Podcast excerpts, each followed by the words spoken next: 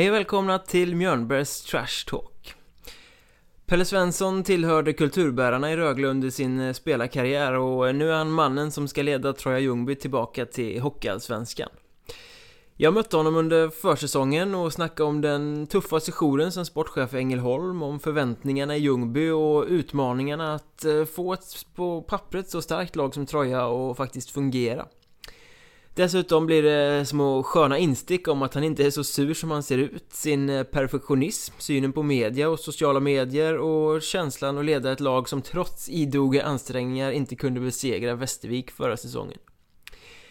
Vill ni kontakta mig, då går det bra att göra det via mail, mikael.mjornberg.se Det går bra att använda Twitter, det heter att Mjornberg eller så använder ni Facebook och sidan Mjörnbergs Trash Talk. Men nu är det dags för en timme med mannen som gärna hade verkat i det tysta men eh, ändå frikostigt bjuder på sig själv, Pelle Svensson. Trevlig lyssning. Då sitter vi här idag på eh, det lilla krypinet Rattugglan utanför eh, Mariestad, en sån här liten vägkrog. Jag vet inte vilka som brukar bo här i vanliga fall men just nu så är det Troja Ljungbys A-lag som har barrikaderat hela hotellet och jag har fått besök här i en liten mysig soffgrupp av tränaren Pelle Svensson. Tack för det. Du har sett din beskärda del av sådana här syltor genom åren va? Ja, det har jag gjort och vi har ju stannat till vid Rattugglan ett antal gånger på väg upp och på väg ner men ja, förra året fick vi premiärbo här och vi valde att göra det även detta året. Vad är ditt eh, bästa minne av just Rattugglan? um, nej, vad är bästa minnet av Rattugglan? Det är väl förra året när vi satt här och det var ett gäng finska eh, jag tror det var pappersbruksarbetare som höll låda i foajén och i lobbyn långt in på natten. Många av killarna skrattar gott åt det fortfarande så att det är väl mitt bästa minne av det. Det blev en sån här bra kick-off in i säsongen. Ja, nej, men det var det. det, det eh, de körde rätt hårt där både fredag och lördag kväll. Eh, som bara finnar kan kanske, jag vet inte. Jag har nog faktiskt aldrig bott här men eh, jag vet någon gång i, när Luther var ung så stannade vi här på vägen till Arvika-festivalen. Jag hade en god vän som köpte två Festis nere på macken här och fick en skärmmössa som bonus. Och det var den lyckligaste dagen i hans liv. Han gick omkring med den i en hel vecka sedan. Jag tror till och med han tryckte en t-shirt med en bild med den där skärmkepsen på sig. Så att, eh, det är ett ställe som berör i alla fall. Så är det. Mössa har vi inte fått än. Vi kanske får det innan vi åker hem. Ja, får gå ner och handla sen. Mm. Eh, du ska gå in på din tredje säsong som eh, Troja-tränare. Exakt hur skönt är det att slippa buggeteamet Västervik inför den här säsongen? Så den frågan kommer redan nu alltså. Vi tar det svåra först. Nej men det är väl klart att eh, samtidigt som det var eh, ett buggeteam, det, det var ju nästan skrattretande i slutet, så eh, var det kul match och, och jag vet att eh, spelarna också tyckte det var kul. Eh, sen kan man ju ifrågasätta om det är kul att förlora hela tiden men eh, själva matcherna och inramningen och, och, och stämningen som piskades upp där tyckte i alla fall jag var jäkligt kul. Och, och, det var ju väldigt jämna matcher. Ja det var det och sen var det väl till slut bara en tidsfråga innan vi skulle, skulle klippa dem där men vi får väl vänta på den tiden kanske. Ja, ni tog dem i sadden till slut va? Ja det gjorde vi men eh, nåväl vi hade nog behövt några poäng till mot dem för att skulle lyckas i slutet. Eh, ni som jobbar med det, räknar ni lika mycket som vi som sitter vid sidan? Så här, nu är det nio, nu är det tio utan ordinarie seger? Nej, visst eh, har man den där känslan av att jaha, nu är det några matcher. Men eh, man blir ju ganska snällt påmind i media runt om hur många det är så att man behöver inte räkna själv. Hur många blev det? Ja, det vet jag faktiskt inte.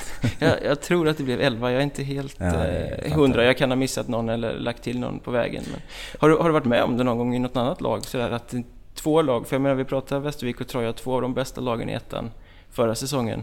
Två, både på pappret och på isen, väldigt jämna lag. Och så den slagsidan. Har du varit med om det i någon annan? Nej, det har jag inte varit. Eh, inte vad jag kan komma ihåg i alla fall. Sen, sen är det väl bara att, att konstatera om det är man kan sitta och titta på matcherna och tycka att eh, där är små eh, detaljer och, och, små marginaler i vissa grejer. Men det blir det en sån, eh, en sån situation som det blir så är det bara att konstatera att något lag har gjort mer rätt än något annat. Det är bara att, att inse och, och det försökte vi jobba med efterhand men eh, ja, vi lyckades inte där i alla fall. Jag vet, vi, vi möttes i Södertälje tror jag det var någon gång där mitt under allettan och då sa du att man kan bara skratta åt det, det blir nästan komiskt. Ja men det gjorde alltså det finns ingen anledning. Och det var ju vissa, vissa matcherna blev nästan lite komiskt. Eh, det var jäkligt jämna matcher. Vi hade eh, något stolpskott och sen går den upp och vänder och, och, och missar skottet i någon sudden match och missar skottet och, och den rullar in. Men eh, om man ska summera kortfattat så är det fortfarande bara att de gjorde några saker lite bättre än vad vi gjorde.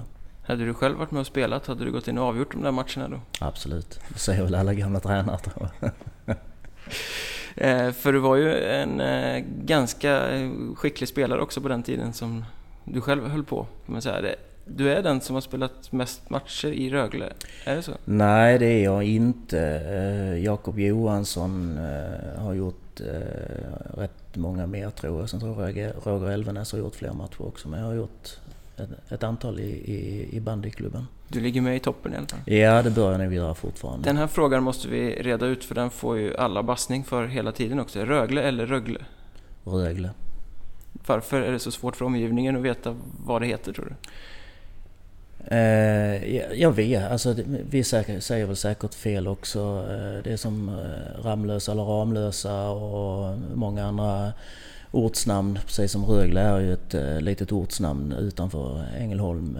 Så att, men det är Rögle som gäller för hela slanten. Ramlösa eller Ramlösa, det är utanför Helsingborg det? Exakt, och det är Ramlösa. Ramlösa, mm. Okay. Så Rögle och Ramlösa, det, det klingar inte...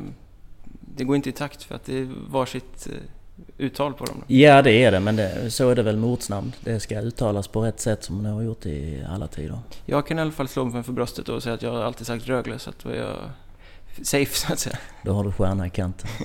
vilka var de bästa spelarna i den klubben? Du gjorde väldigt många säsonger där. Eh, vilka är de bästa du spelade med medan du hade den bandyklubbens tröja på dig? Eh, vi hade... Alltså det är lite olika tider kan man tycka. När jag, jag kom upp Eh, som ganska ung där och då eh, köpte man ihop ett stjärngäng och, och gick upp. Eh, väldigt duktiga eh, Eloranta. Micke Hjelm var en makalös hockeyspelare.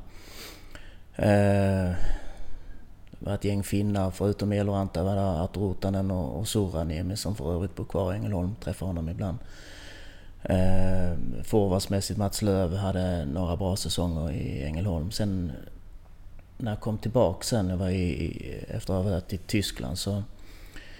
Byron Ritchie spelar fortfarande i, i Modo, där var Ryan Vessi, vi spelade ihop i en, en kedja där. Så det har varit lite olika... Eh, spänner över några år så att säga. Det har varit en och annan eh, bra lirare där i alla fall? Kan man ja men det har det och det, det är det väl i, i, i många klubbar genom åren så är det alltid några speciella man kommer ihåg. Du gjorde ganska många säsonger i Tyskland. Eh, jag var där fem år. Hur mycket skiljer sig den, eh, eller skilde sig den hockeyn, det är ju ett tag sedan nu, men kontra vad det var i elitserien och allsvenskan? Ja, då var det ju... Eh, ja, jäkligt smutsig hockey. Det var väldigt annorlunda när man kom ner där. Vi, vi hade ett lag, jag tror man var tvungna att ha sex tyskar och vi hade sex tyskar, varken mer eller mindre. Och sen var vi ett gäng svenskar. Första året var det jag Leif Karlsson och Thomas Sten i, i Berlin då. Och sen var det resten eh, kanadiker och amerikaner. Och det var inte de mest tekniska kanadikerna Nej, det var det ju inte. Det var, eh, det var hårda bud på, i vissa av matcherna. Så var det. Alltså var man rädd då för att bli skadad? Var det liksom på den gränsen? Nej, det var man väl inte rädd. Eh, jag tror svårt, man har svårt att spela om man är rädd. Men eh, man höll... Man räknade till fem i alla fall när man var inne på isen. Och definitivt höll man koll på vem som kom in i motståndarlaget. Man hade blicken uppe kan man säga. Ja, yeah, det var heads up. Men du la av, eh, eller la spelarkarriären på hyllan efter säsongen 05?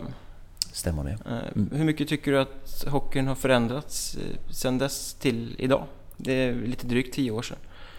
Ja, tittar man på, om man börjar bakifrån på målvaktssidan så är det som natt och dag man hade ju sina ställen man eh, försökte göra mål på förr.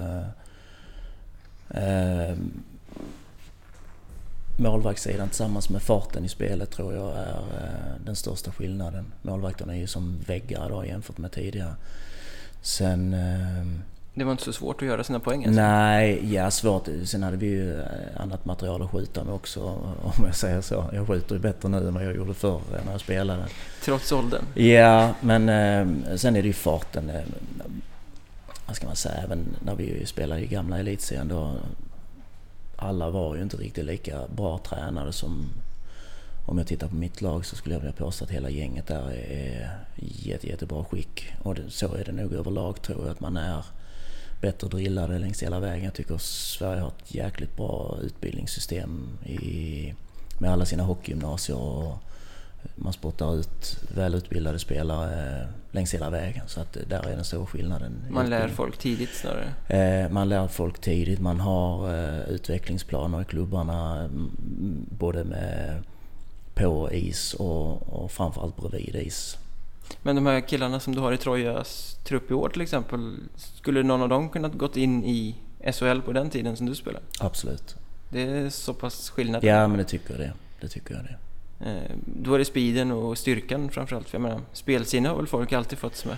Ja, det föds man med. Men det, det, det har jag en stark tro att man kan utveckla och det eh, hade man ju kanske önskat att man utvecklade mer eh, någon, i någon form av organiserad spontanidrott eller någonting. För det kan jag känna ibland att man tappar på vägen.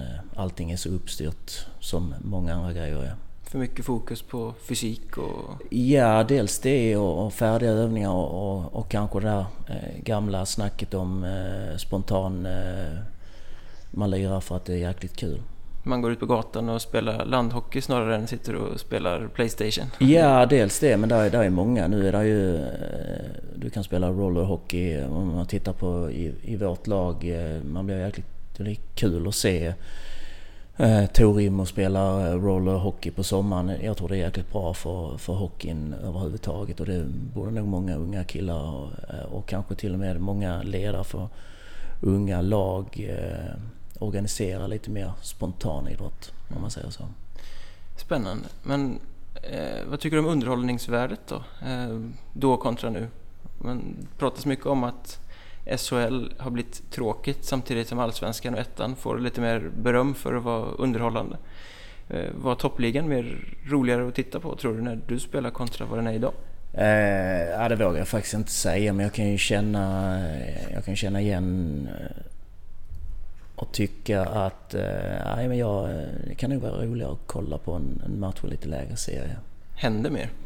Det händer mer och det händer lite mer oväntade grejer. Det är jäkligt uppstyrt men det är ju på grund av att spelarna är otroligt skickliga i SHL. Eh, de är drillade både Eh, vi har pratat om fysiken innan men eh, rent taktiskt är man ju och det är, man läser in varandras motstånd och, och sådär. Och, och i takt med att man blir skickligare på allting så blir det mer uppstyrt också. Så att, eh.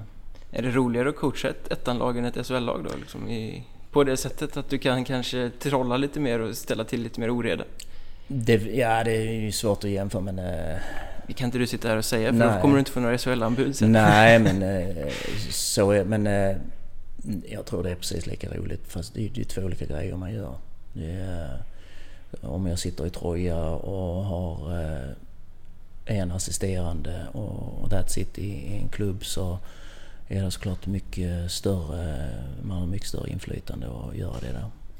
Men när du slutade spela, var det självklart att du skulle kliva in i det här tränarroll och sportchefsroll och sånt där som, som karriären sen visade sig leda till? Eh, när jag spelade så var det ganska klart att jag ville bli hockeytränare eh, under mina sista år eh, i, eh, när vi spelade i Allsvenskan med Rögle så pendlade jag till Malmö och pluggade till lärare. Så när jag slutade spela så eh, jobbade jag som lärare i Ängelholm några år. Helt off, eh, eh, off hockey. Jag var, gick ner till hallen två gånger på tre år. Jag var helt mätt. Var det viktigt tror du? För mig var det jätteviktigt att, att, att ha ett break. Jag, när jag var 34 år då sa jag att jag kommer nog spela till jag är 40 för jag känner mig fräsch i kroppen och allting. Men helt plötsligt när jag blev 35 så eh, då var jag helt tömd.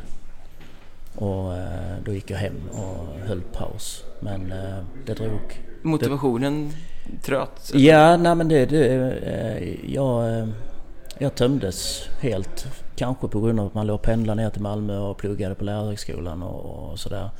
Men efter tre år så söks man in i karusellen igen. Ja, då fanns det ingen återvändo. Nej, men så var det. Och då ringde, då var Roger Hansson sportchef för Rögle och vi är, är kompisar även privat och då sa han nu, nu behöver vi göra någonting i Rögle här med juniorerna och sådär. Så. Var du analytiskt lagd redan som spelare? Eller så här, funderade över eh, spelet på det sättet som du är tvungen att göra både som lagbyggare och som tränare idag? Ja, jag var nog en mer eh, känslomänniska eh, men jag funderade mycket över eh, balansen i lag. Eh, inte så mycket taktiskt men balansen i laget och, och lagstruktur och, och rollerna i laget funderade jag jäkligt mycket på redan som spelare. Mm, det är en viktig del i i allt? Ja det är det men eh, gruppdynamik är ju jäkligt spännande oavsett om du är på en skola i en skolklass eller om du är på företag eller om du är som nu i ett hockeylag. Det är, det är intressanta processer som, som händer. Ja, för det måste ju varit en väldig utmaning för att du var inne med juniorerna i Rögle och sen kom du upp och stod lite på bänken där också. Men sen hamnade du i en position som sportchef. Mm. Eh, och där måste du ju verkligen tänka på roller och dynamik och personligheter och sånt? Ja, absolut. Det, det är nog eh, ett snäpp viktigare än, själva hockeyskillsen tror jag. Så att, eh, eh, det ska man ta med i beaktningen tror jag när man, när man försöker bygga ihop ett gäng. Men det var bara en ganska kort period för SHL? Ja, och det var jäkligt turbulent. Vi eh, låg illa i, eh, i serien och, och det var slitsamt och, och, där är det ju en, en nackdel om man eh, kanske är från orten och det är en lite mindre ort. Och det berör och det är heta känslor och, och, och sådär. Så att det blev en kort period. Det blev mycket skit vid sidan av? Eh, väldigt mycket skit vid sidan av. Ja, men så här, liksom att man inte kan gå ut för att folk är framme och ska tycka och tänka och skrika och... Ja, nej men definitivt. Eh, och det kastas ju... Eh, ja men det var, det var en ganska hård tid tyckte jag. Eh, jag mådde inte alls bra av det. Jag till syvende och sist så jobbade man i en förening där man hade gjort ett antal hundra matcher. Man hade varit där i nästan hela sitt liv. Jag gick till Rögle när jag var 11 år. Eh, jag hade jobbat ett antal år efter min karriär och ändå kände jag att man i princip bara fick skit. Det var då, inte vattenvärd plötsligt? Nej, och det känns lite konstigt när man har lagt ner så mycket. Och, och det var därför jag bestämde mig för att nej, det här är jag inte värd. Jag är värd bättre än så här och jag vill ha roligare. Och då hade jag också provat på att vara sportchef. Eh, jag sa ganska tidigt till min fru där hemma att det här kommer jag inte göra vidare utan jag vill stå på bänken. Det är där jag ska vara. Men du gjorde väl ändå inte ett dåligt jobb? Ni klarade er kvar? Och vi, ni hade väl vi åkte ur, nej, vi åkte, det? vi åkte okay. ur det lag, med det laget där. Men eh, tyvärr. Och då sökte du dig istället en lite mer inkognito-roll i Helsingborg? Eh, ja, och det var ganska medvetet. Jag eh, hade tänkt vara i Helsingborg några år faktiskt och sen köra på. Jag hade tänkt vara där eh, ett antal år och, och hämta kraft och hämta glädje. Eh, I den vevan där blev jag assisterande till eh, min gode vän Peter Johansson som nu är i Danmark. Också en gammal känd Rögle-profil. Exakt. Och vi, vi drev Helsingborg där bredvid var jag blev jag junioransvarig där inne också och på, vid min sida hade jag Roger Hansson som eh, J20-assisterande som ett ganska meriterat J20-par. Eh, och det var jävligt kul och det var fantastiska killar i Helsingborgs J20 det året där. Eh, det var riktigt, riktigt kul så att eh, ett år så börjar man känna lite hunger igen efter utmaningen. Det var som att glädjen kom tillbaka? Ja men definitivt. jag har haft jäkligt stökigt. Eh, Eh, i Rögle. Man var såklart besviken själv också. Man har ju höga krav och framförallt har man höga mål och man vill väldigt mycket. Och, och, och sen hitta glädjen i Helsingborg var, var skönt. Men du sa att efter spelarkarriären så var det som att det var tomt och du var tvungen att kliva bort från det. Mm. Eh, var det ungefär samma känsla när du klev bort från sportchefsrollen i, i Ängelholm? Nej, men då ville jag bara ner på isen igen och, och det var mer revansch? Eh, vill... Nej, inte revansch. Mer bara hitta rätt. Eh, för det finns inget roligare än att gå ner i omklädningsrummet och, dels och slänga lite käft och, och sen få vara med och, och, och styra lite och, och rent praktiskt vara nere på isen och flytta spelare och trycka och eh, vad säger ni om att åka så här och så vidare. Det, det är enormt stimulerande tycker jag. Kunde det vara frustrerande som sportchef att värva spelare och sen liksom inte ha fingret med i spelet vad Absolut. de skulle göra när de yes. var där? Absolut. Det hände att det stod där uppe att han, han är inte här för att göra det där som ni använder honom till. Nej men så var det och, och då vid den tiden var det kanske en, en nu tycker jag man har hittat en annan eh, linje överhuvudtaget i, i, i Rögle men det var lite splittrat i föreningen då tyckte jag. Men du sa ju att du skulle inte vara sportchef men nu är du ju ganska mycket ansvarig för att värva i Troja. Så att du har, har, du fått hungern tillbaka för det? Nej, alltså vi, där är vi ju mer ett, ett, ett gäng som gör det ihop. Eh, sen att jag ringer några av spelarna och det är andra människor som ringer andra spelare. Men det, det är väl snarare att vi gör ett jobb ihop. Men, men du har en ganska stor eh, säg in det så att säga? Ja, det har jag naturligt. Ja, de tar Dels... ingen spelare om du säger att nej? nej, och det, det tycker jag... Eh, där tycker jag nog ett samspel mellan eh, sportgrupp och, och tränare är nog alltid att föredra tror jag. Eh, om man jämför, alltså när, ni, när du var i Rögle där så då egentligen så handlade det om att ni skulle bygga ett lag som skulle vara kvar i, i SHL. Alltså, ja. Ni var nykomling det året om inte Då, då eh, vi gick upp det året där och, och då, då satt vi med ett antal spelare som var jätte, jättetalangfulla men de var något eller några år för unga. Ja, för, inte klara. Nej, liksom. de var inte riktigt klara. Uh, uppdraget var att bygga ett lag som skulle hålla i ett år eller två år för att sen kunna skörda våra egna. Uh, vilket vi inte klarade. Uh, men jag tror hade vi... nu är de på... Några är ju tillbaks hemma igen. Och några är ute i övriga Hockeysverige men målet var då eh, uttalat från föreningen att vi skulle klara ett eller två år, sen skulle vi kunna vara ganska självförsörjande. Hur eh, skiljer sig det liksom? För, för där var ju då, det var överlevnad det året. Ja det var det. Eh, och nu när ni bygger laget i Troja så är det gå upp i stort sett som är, som är målet. Arbetar man på olika sätt när man ska bygga den helt olika typer av eh, lag egentligen? Ja, det kan jag väl tycka. Här eh, Sen är det ju milsvid skillnad också och försöka få ner Lasse Kukkonen och Juha-Matti Altonen från Finland eh, kontra Niklas Lehmann från Huddinge? Ja, nej men om, man, man kanske inte behöver dra namn men det, det är två eh, helt olika eh, eh, världar att jobba i men eh, det är enormt inspirerande. Vilken är den bästa värvningen du har varit med och gjort? Tycker du? Om du liksom relatera spelare till nivån som det var på. Jag menar, det är klart att värva Johan Matti Altonen till Rögle är ju, smäller ju större än att värva en, vem som helst till Hockeyettan. Men om, om, du tänker utifrån nivån så, vilken? Ja men det är definitivt Altonen och eh, förvånansvärt det, en, eh, det var ju en, en halvt bohem kille som kom i joggingbrallor och flipflop och sen körde en fet Porsche. Eh, men när man satte sig ner med honom så var det en otroligt kunnig rent hockeymässigt så jag tror nog han kan bli en, en bra hockeytränare i framtiden tror jag. Var spelar han nu? Jag tror han är kvar i Finland. Ja, jag är inte riktigt han, säker. Var det en halv säsong han gjorde i Ja, han kom in och var han, helt puckartist. Ja, bara liksom han så var enormt skicklig. Skicklig på isen och duktig taktiskt också tyckte jag. Då pratar vi om en väldigt offensivt skicklig spelare. Men det sägs ju så här klyschartat att ett bra lag byggs bakifrån. Är det så? Det tror jag stenhårt på. Jag tror, ska du vinna någonstans eller gå upp någonstans så tror jag det är ett stabilt grundspel och en bra defensiv som sätter grunden. Det låter lite tråkigt. Det låter tråkigt men det är kul att vinna och gå upp. Det är helt sant. det är det du strävar efter nu? Ja men det är klart det är. Precis som många andra lag i, i, i på den nivån så är det en strävan och önskan och ett mål.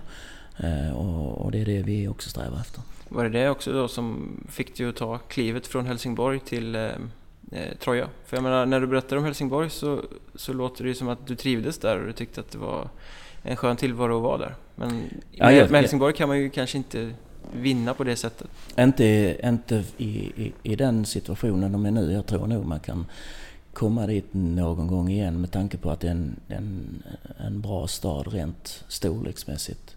Men då när vi var där eh, var det ju ganska... Vi gick visserligen till allettan det året med Helsingborg. Just det, det var en sån succé Men... Eh, ja, visst var det anledning till att när Troja hörde av sig att jag tackade ja ganska omgående för då kände jag att nej nu jävlar det ska jag in i hetluften igen. Nu är det dags. Det finns en sån nerv i det? Liksom. Ja, men det tror jag... Jag tror nog de flesta som är och har varit och känner att det kittlar och har man haft den nerven och den, det adrenalinpåslaget i så många matcher som man har. Eh, man hittar inte den känslan någon annanstans. Eh, det är oerhört svårt och det närmsta man kan komma är om man står på bänken eller i båset eh, med något lag. Då, då kan man komma lite i närheten av den känslan annars så... Saknar du den i tränaryrket? Lite oh. det som du kunde ha som spelare? Ja, jo, ja det, det det tror jag nog många, många gör. Eh, sen försöker man hitta eh, kickar kanske fel ord, men eh, någon form av eh, påslag bredvid. Men eh, visst eh, är det en känsla, och den kan man känna när man står i gången innan matcherna att nu hade jag nästan velat lira faktiskt. Ja men hur hittar du den eh, kicken då? då? Nej men som jag sa nu när man står på bänken kommer man i alla fall lite nära det. Eh, I övrigt är det svårt faktiskt. Det är svårt att, att, att översätta någon, någon, form av kick i, i det vanliga livet. För som, eh, som spelare så är det ju väldigt många spelare som säger att ja, rinner det lite för mycket i huvudet eller man, det funkar inte eller någonting så kan man alltid slasha någon eller liksom trycka dit någon så är man inne i det och så får man igång det och får loss frustrationen. Liksom. Du kan ju inte gärna ta en klubba och sopa till någon från båset. Det skulle... Nej, även om man hade önskat det ibland så hade det nog inte varit snyggt. Eh, eh, nej, men det, är bara att konstatera att det, är eh, rent påslagsmässigt så det är en svunnen tid och det får man väl... Men ibland så kittlar det, så är det. Händer det att du går ut och sparkar en dörr eller något? Eh, sällan.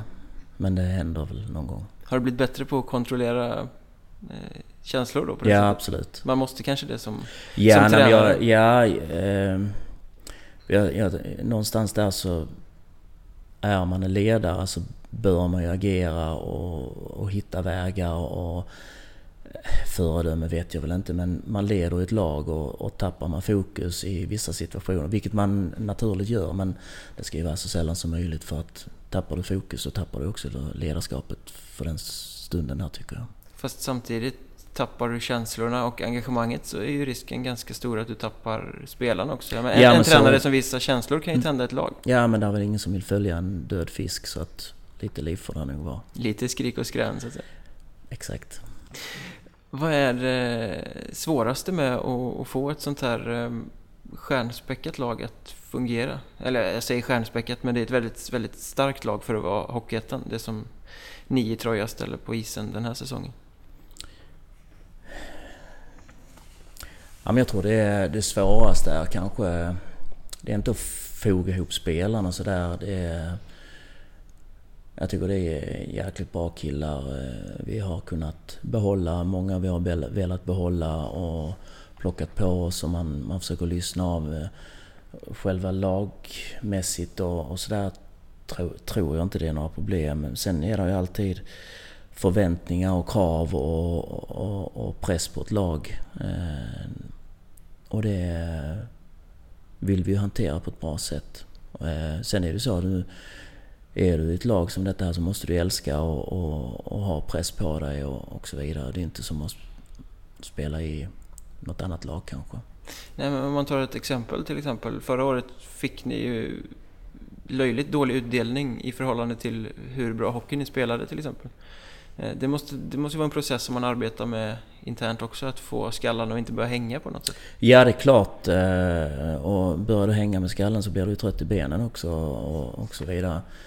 Men eh, visst är det eh, grejer vi pratade om förra året, att, att hålla modet uppe eh, eh, vi pratade om målskytte och vi, eh, man kör sina övningar och, och detaljer i, i, Vi ska gå in och framför och så vidare. Men eh, hur den är, man kan ju göra allting praktiskt. Men sitter det inte inne i skallen att, att man är bra och så vidare så, så får man det stökigt. Men Hur- eh, jag tror i, i grund och botten så tror jag det vi, vi ska jobba med jäkligt mycket. Fortsätta, fortsätta jobba med. Hur pratar man om målskytte? Det är ju något som är väldigt, väldigt praktiskt. Ja, men man kan säga skjut över axeln, men Ja, nej, men eller liksom- hur. Men eh, nej, man kan jobba på olika sätt. Man kan eh, rent praktiskt ute på isen prata om detaljer vi ska gå in framför och så vidare. Visa klipp där vi gör jäkligt bra grejer.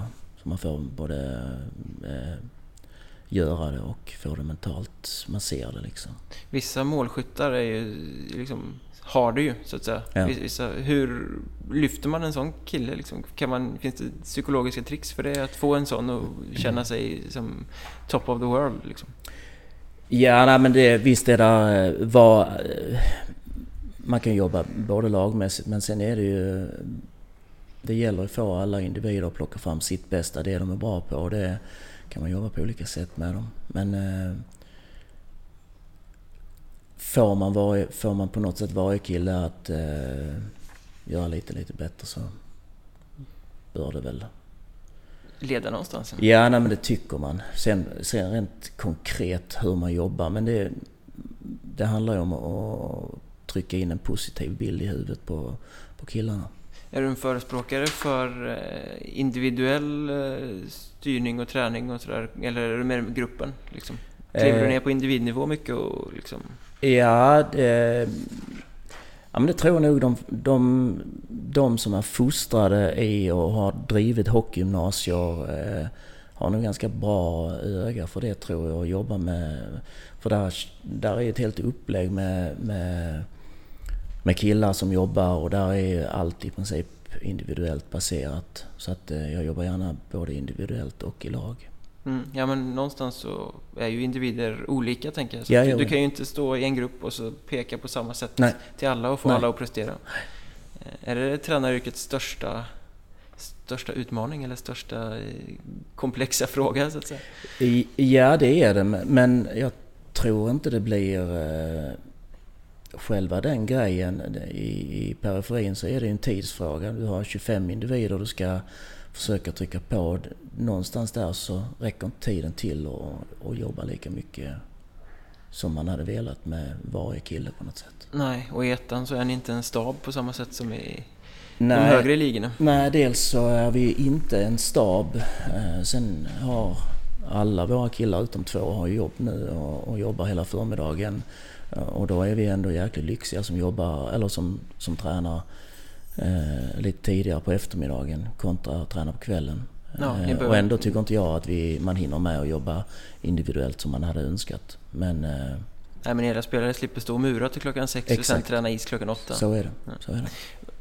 Ni är väldigt privilegierade som Hockeyettan-klubb. Ni har fin arena, ni, som du säger, ni har de här tiderna och eh, Eh, bra träningsmöjligheter. Så känner ni också att ni sitter lite i en sån situation när ni ska värva laget? Att eh, ni kan få det ni vill? Att ni liksom, ni är första valet framför många andra klubbar?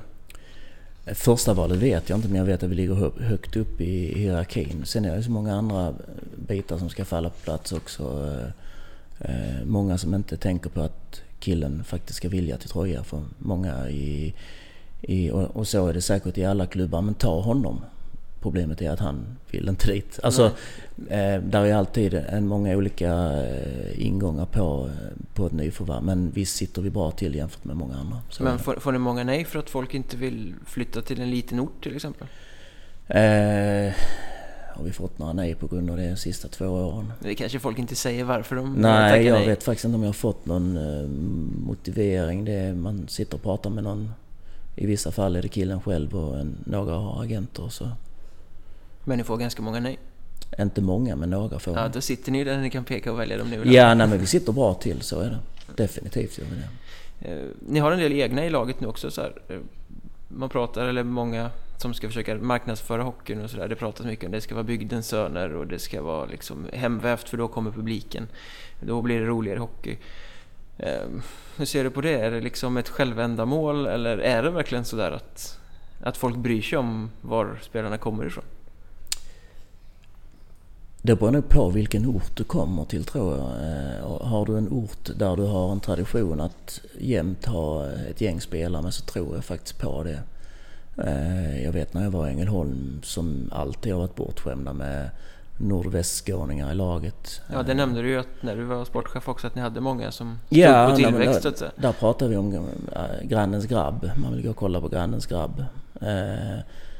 Eh, I Troja nu eh, har vi ett gäng spelare men nu har de ju varit med där och åkt ur och, och, och utgör den stommen där vilket jag tycker är naturligt för dels är det jäkligt bra hockeyspelare. Det hade varit skillnad om de inte var, varit tillräckligt bra men nu tänker du på Trucken och Mattias Åkesson och Trucken. Åke, Nilsson, Edström. Eh, så att där är, där är liksom ett, ett gäng. Sen har det kommit upp nya som faktiskt är där på grund av att man är bra hockeyspelare, inte på grund av att man är från Ljungby. Skiljer sig eh, Ängelholm och Ljungby? Jag menar, båda är hockeytokiga småorter men i just den här mentaliteten till grannens grabb-fenomenet? Eh, nej, jag tror inte. Jag tycker det är... Och jag, jag säger till många att Troja är eh, som ett Rögle i miniformat eh, både vad det gäller by och, och, och, och, förening och på alla sätt och vis. Till viss del spelare också? Absolut. Ni har ju ett par eh, Rögle-anknutna. Jag tänker Flash, Alexander Lindqvist Hansen och Tobias Törnqvist heter han Yes, David Laudius, Johan Nilsson. Mm. Men där är ju... Så som det är nu så tycker jag där är, där är är ganska öppna spel mellan föreningarna. Det är, vad är det, fyra eller fem stycken i Rögles juniorlag som är från eh, Troja. Så att eh, det är ganska öppna spel mellan föreningarna. Hur stor del har du i det som är så Ingenting pass... Eh, faktiskt. Jag har fått lite påhopp i, i Trojas. Eh, men eh, de hade nog plockat den dagen tror jag. Sen, eh, så, så faktiskt ingenting. Du menar Trojas supportrar som tycker att du värvar bara för Nej, men det, det har skojats inne på kontoret och i, i sportgrupperna att det här, nu, har nu tipsat någon igen i Rögle? Men så är faktiskt inte fallet. Får man sina favoriter som, eh, som tränare? Alltså så här, spelare som man har haft någonstans som man gärna vill ha med sig. Eh, för det, det ser man ju om man tittar, behöver inte ta just Ljungby och Rögle som eh, exempel här, men om tittar man på hockeyn i stort så finns det ju spelare som följer tränare från klubb till klubb lite sådär. Ja men det tror jag nog man kan få. Där tror man, är man tränare och man plockar med sig, och tar man med sig de man vet är till 100% på plats och, och gör ett bra jobb ifrån sig. För någonstans så, så tar du då dit en spelare på, på din egen rekommendation. Du sätter ditt egen, din egen trovärdighet på spel och då tar du de som du vet fungerar till 100%. Har du sett många hängbjörkar i omklädningsrum genom åren? Sådana som du inte skulle vilja sätta din trovärdighet på för att ta med dig så att säga? Ja, ja, ja, ja men visst är det spelare. Men, eh, nej, men det, det finns nog överallt som man känner att jag kan nog inte rekommendera honom till någon annan och då kanske man tar med honom själv eller?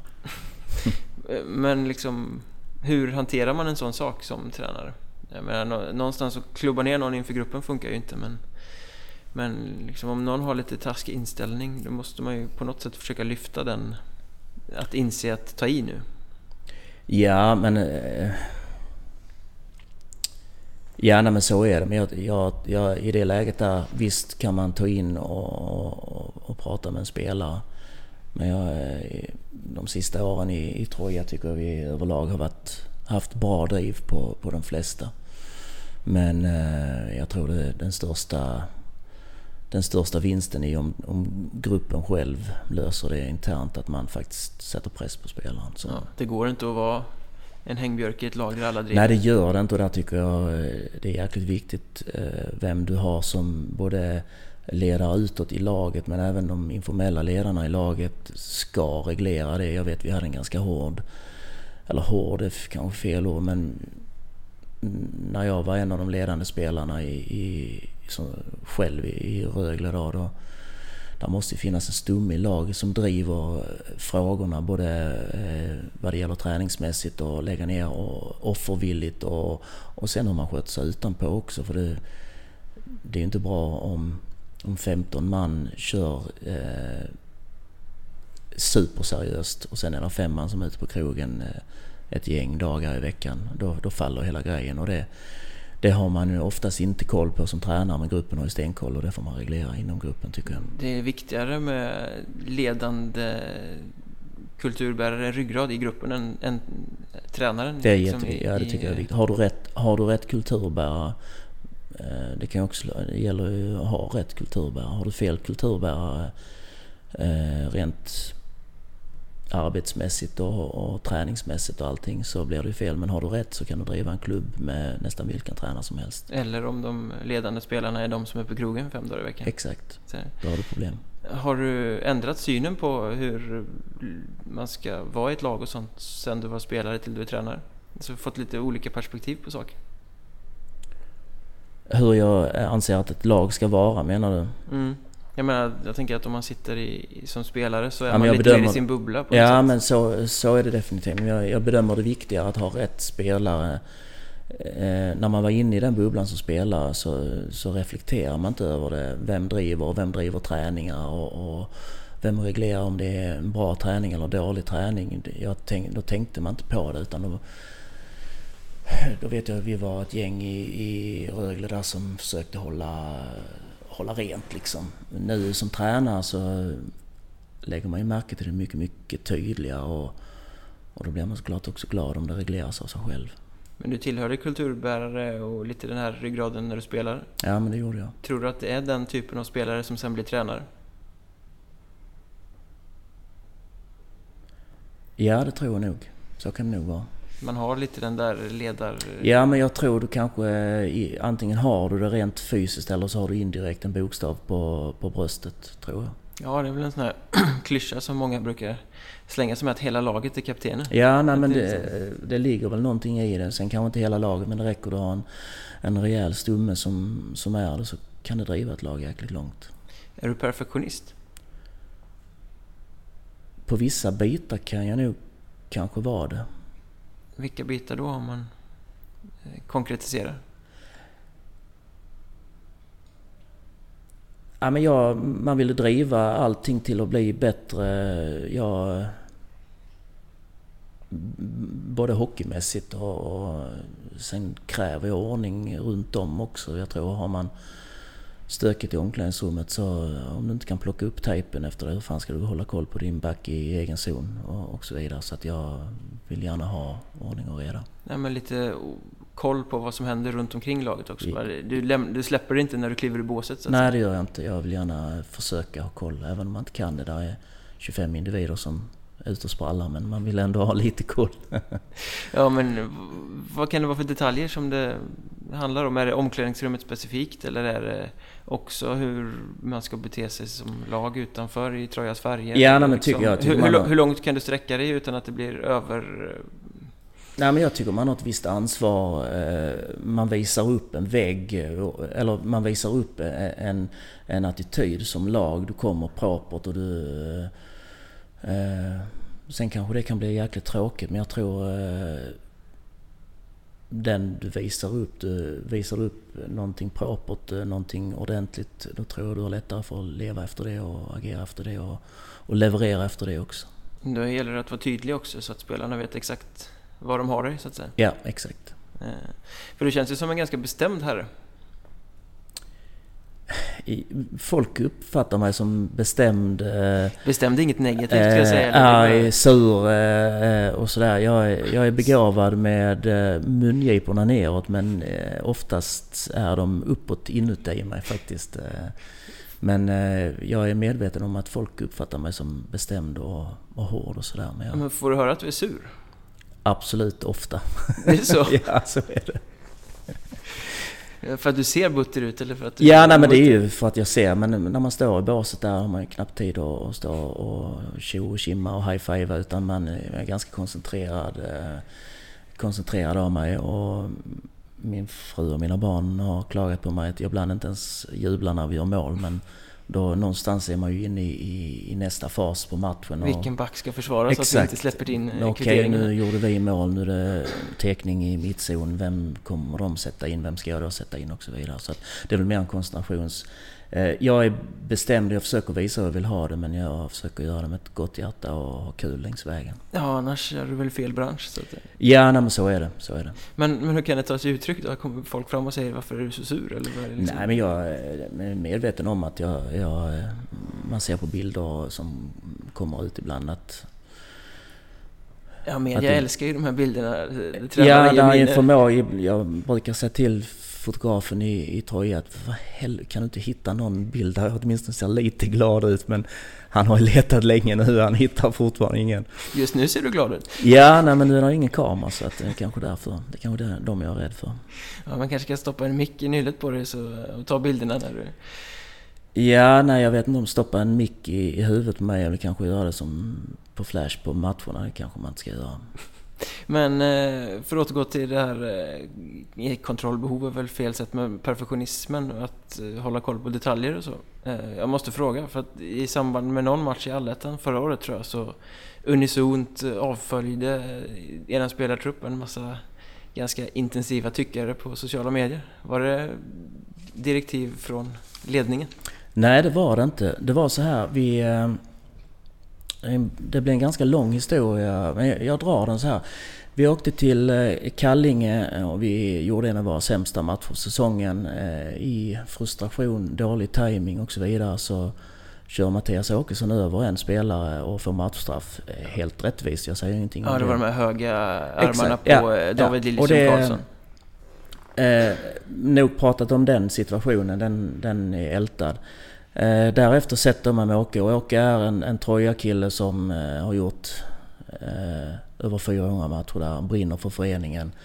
Eh, gjort över 40 poäng de två sista åren och är otroligt lojal mot föreningen. Och dagen efter träffar jag honom och vi diskuterar och han sa ja just nu är det jäkligt stökigt sa han eh, ute på sociala medier och sådär och, och fått otroligt mycket skit framförallt från egna supportrar som tyckte det var onödigt och så vidare. Och då ifrågasatte jag till honom, men om du nu inte mår bra av det, varför följer du då? För det, det är frivilligt att, få ett flöde rätt in i telefonen. Eh, jag eh, följer i princip nästan ingenting, är ingen... Ingen sociala medier Ingen twittrar och ingen kvittrare och, och sådär. Nej, han visste väl inte riktigt det. Han hade alltid gjort det. Och sen eh, tog jag upp det på kvällen också. Och Alltså, rent, ganska tajmat då så var det, jag vet, eh, det var någon representant från Rögle som var kollade på någon match och, och så sa han att eh, han nummer sex får ni inte behålla om, om ni inte går upp. Och då var det Anton, han hade spelat fantastiskt, Anton Johansson spelat fantastisk hockey eh, några matcher där. Eh, matchen senare så gör han en, en, en grej som händer i ett spel som går ganska fort. Ibland gör man misstag och, och då var det ute på eh, sociala medier att vi skulle behöva, borde sparka honom och allt. Och då tog jag ett möte med laget eh, där vi pratade och berättade jag för Anton att eh, bara så du vet det så sitter det representanter ena dagen och från SHL och tycker att du ser jävligt intressant ut som spelare. Sen dagen efter så står det på sociala medier att vi borde sparka dig för att du gjort misstag. Och då säger Anton, ja nej, men jag läste det på Twitter att folk ville sparka mig. Och då ifrågasatte jag till spelarna och jag sa också att jag eh, jag tror inte, jag tror man, om man är ett barn som växer upp med föräldrar som talar om för dig hela tiden hur jävla dålig du är. Eh, jag tror inte du eh, blir en trygg, eh, säker människa som kommer leva så jäkla lugnt och skönt. Och jag tror det gäller för hockeyspelare också. Om man hela tiden läser på sociala medier hur jävla dåligt allting är och så vidare så, så tror jag inte man blir bättre som hockeyspelare. Jag sa också att det är helt frivilligt att, välja om man, om man klarar och vill eh, läsa det och ta in det i mobilen. Jag har själv valt att ta bort allting, så att ta bort allt fil, att lägga ett filter, ta bort bruset. Eh, men det är helt frivilligt. Så att det var definitivt inga direktiv från ledningen eller någonting utan det var på frivillig basis. Men det var många spelare som fick sin tankeställare där och att ja, kanske inte behöver läsa det här? Nej, och jag förstår egentligen inte. Sen är det en, en jäkligt lång diskussion det där med Twitterflöde och allting som går rakt in i mobilen och, och att många människor inte har ett filter vad det, varken vad det gäller politik eller åsikter kring eh, faktiskt eh, rena personangrepp mot, Nej men så är det. Det är ju fritt, det är fritt fram att hata egentligen. Det är fritt fram att hata när man faktiskt glömmer att, att eh, Mattias Nilsson som är 28 år går ner och täcker skott med tänderna för att han älskar Troja och sen får han bara skit för att han borde tagit det med bröstet istället. Men det är väl lite Ljungby också, det är mycket passion kring hockeyn, det är mycket eh, känslor och, och mycket sådär. Eh, jag menar, bara, ni har ehm, eh, gått till Playoff tre ena säsongen, ni kom trea i kvalserien i vintras. Och ändå höjdes det röster till exempel för att de inte skulle förlänga med dig. För att eh, sådär, tar du åt dig av sånt när det, när det kommer liksom den typen av... Eh, allt är svart eller vitt liksom? Nej, där, eh, nu är det ingen av dem som har sagt det till mig personligen på stan. Nej, det förstår jag. Eh, och jag har haft en... För mig var det jäkligt viktigt att bli bättre, göra en bättre säsong. Jag är medveten om att man, man kan inte köpa sig till framgång, men jag tror på att jobbar man hårt och bygger på rätt sätt så kommer man få, eh, få, få lön för det i slutändan. Jag eh, hade en dialog med mig själv, jag hade en dialog. Jag känner ju på spelarna att jag har spelarna med mig. Eh, från eh, klubbens sida var det tydligt från början. Eh, så att jag, för mig var det inga konstigheter sen vad andra tycker och tänker. Det är det alltid människor som gör. Ja, men någonstans... Man behöver pressen men samtidigt så vill man inte att den ska vara allt för negativ. Nej, och sen det hör ju till också. Det, det, det är väl det som driver. Men någonstans måste det finnas eh, lite, mer, lite mindre svart eller vitt kan jag tycka. Det kommer man ju aldrig få. Nej, men eh, och det är därför jag väljer och, och jag sa till killarna, ni väljer själva om man, man ska ta bort det där bruset. Eh, Men samtidigt så är jag medveten om att det, det också är eh, en stor intressegrej i en förening och, driver själva märket framåt på något sätt. Det är hypen kring laget och det, det hör ju till och det är ett måste. Är Troja en svår förening att verka i på det sättet att det är mycket, väldigt mycket åsikter runt omkring? Jag tror inte Troja är mer unikt än, än många andra på många Kanske var andra värre i ställen. Rögle? Eh, definitivt tyckte jag det var värre i Rögle. Eh, men... Eh, Ja, du upplever inte samma sak nu som du gjorde i, när du var sportchef där? För där tog det sig mer... eh, Det blev mer på riktigt liksom i och med att folk kom fram och... Ja men det var, men där är också skillnaden. Nu bor jag ju inte i Ljungby utan jag pendlar ju från Ängelholm och där tror jag en jäkla skillnad. Du kan stänga av. Jag kan eh, stänga av, köra hem och när jag går omkring Ängelholm så är det ingen som frågar mig eh, vad. Varför satte du in tredje Exakt, linen där i sista exakt. bytet? Eh, där är nog skillnaden att bo på orten. Men eh, jag tror inte Ljungby är något unikt om man jämför. Jag tror det finns många andra ställen där det är ännu värre. Som- Eller, eller bättre, hur man vill se det. Ja, det, det, man ska ju aldrig klanka på passion för att det Nej, det grundar det- sig i från början Nej, men däremot kan man ju välja vad man vill ta in i sin telefon och så vidare. Man väljer ju själv vad man vill Ja. läsa. Säsongen som kommer nu så har ni från styrelsehåll i alla fall en uttalad målsättning Allsvenskan. Det, det är dit ni ska. Tror du att pressen utifrån kommer bli ännu högre av, eh, av det? Nej men alltså vi har haft en press inne i laget på oss själva. Vi har haft jäkligt höga mål inne i laget. Eh, Så jag tror nog att eh, nu har vi byggt i, i, och varit och nosat förra året. Det var jätte, jättelärorikt för, för hela laget tycker jag.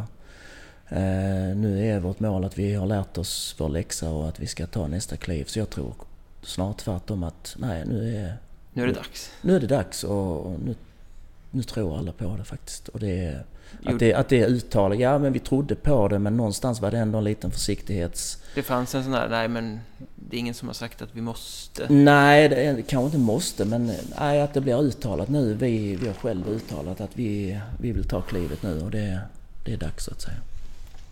Då blir det snarare en positiv press. Ja men jag tror det. Tror du att intresset för klubben ökar ännu mer i och med den här uttalade målsättningen?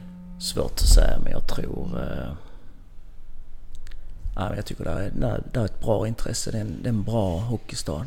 Men eh, om man pratar in tryck och intresse, jag, någonstans måste man vara...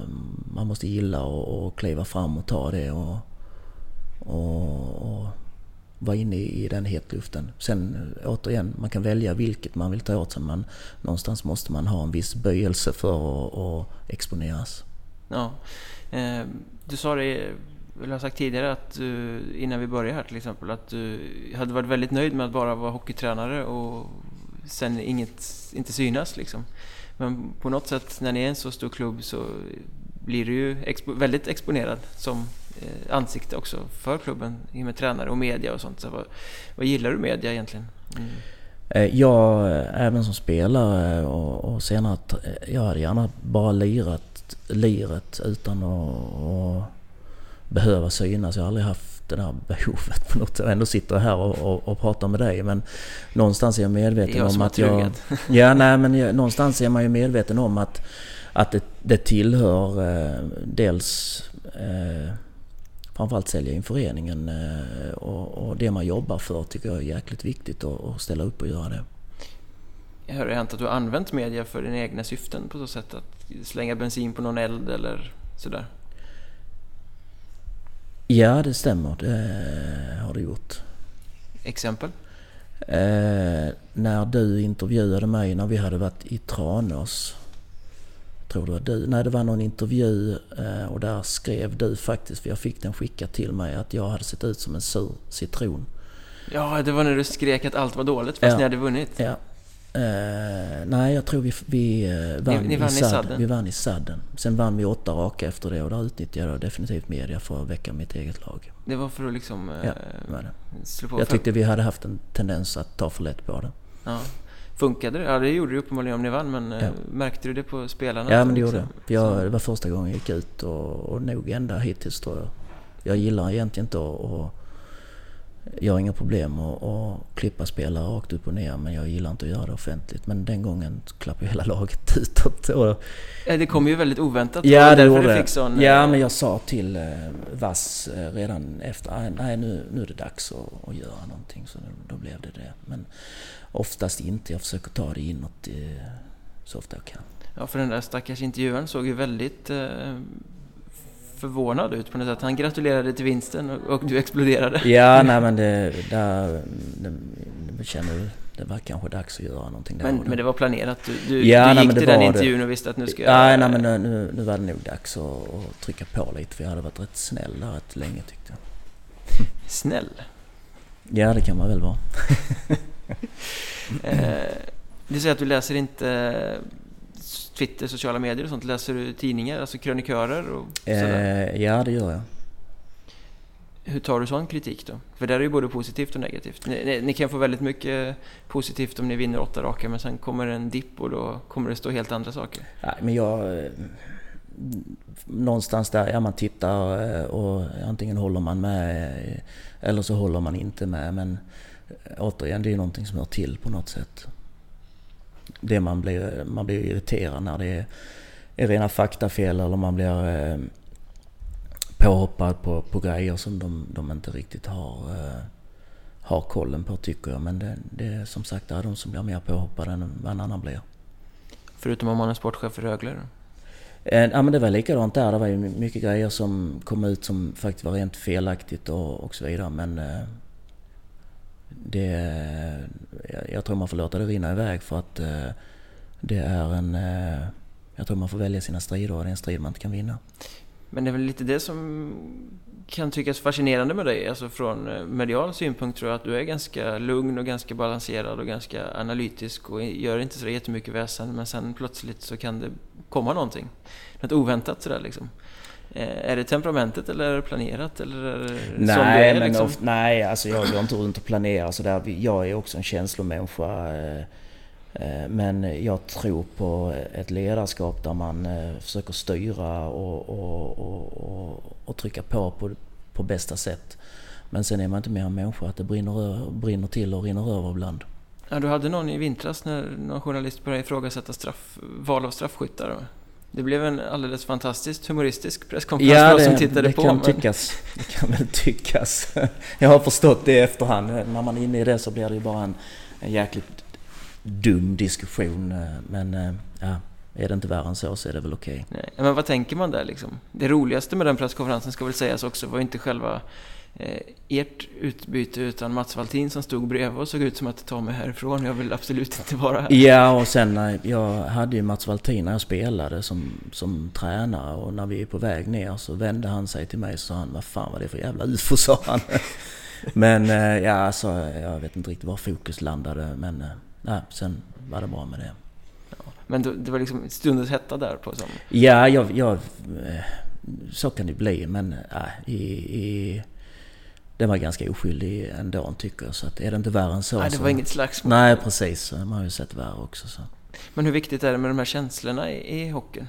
Det är enormt viktigt. Uh, uh, jag brukar säga det, jag har mycket lättare för att, att hålla någon i ett koppel än att sparka dem i röven. Och en spelare som man måste sparka igång hela tiden är, kan man inte styra.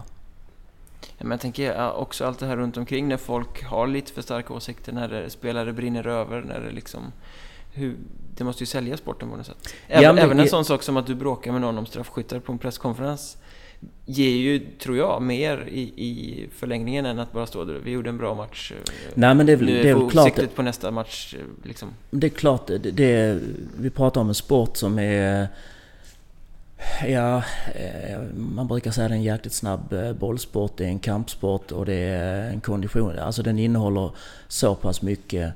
Eh, att där är känslor gör ju bara att det kryddar lite mer. Sen om det är känslor mellan spelare eller mellan ledare eller vad det är. Det, det, det, det är klart att det kryddar ingrediensen eh, ganska mycket. Och känslan som ni jagar i, i år är den euforiska att få stå i Ljungby Arena och spruta champagne på... Eh... Ja, nej, men det är klart att vi, vi jagar en, en segerkänsla i slutändan. Det, det kan vi inte blunda för. Då har vi på en timme här lyckats eh, slå fast ganska bra att eh, du är inte sur, du siktar på att vinna och det kan tänkas komma något utspel även under säsongen. Vi får väl se. Jag kommer följa det med stort intresse i alla fall. Det var eh, kul att du ville vara med. Eh, jag tackar.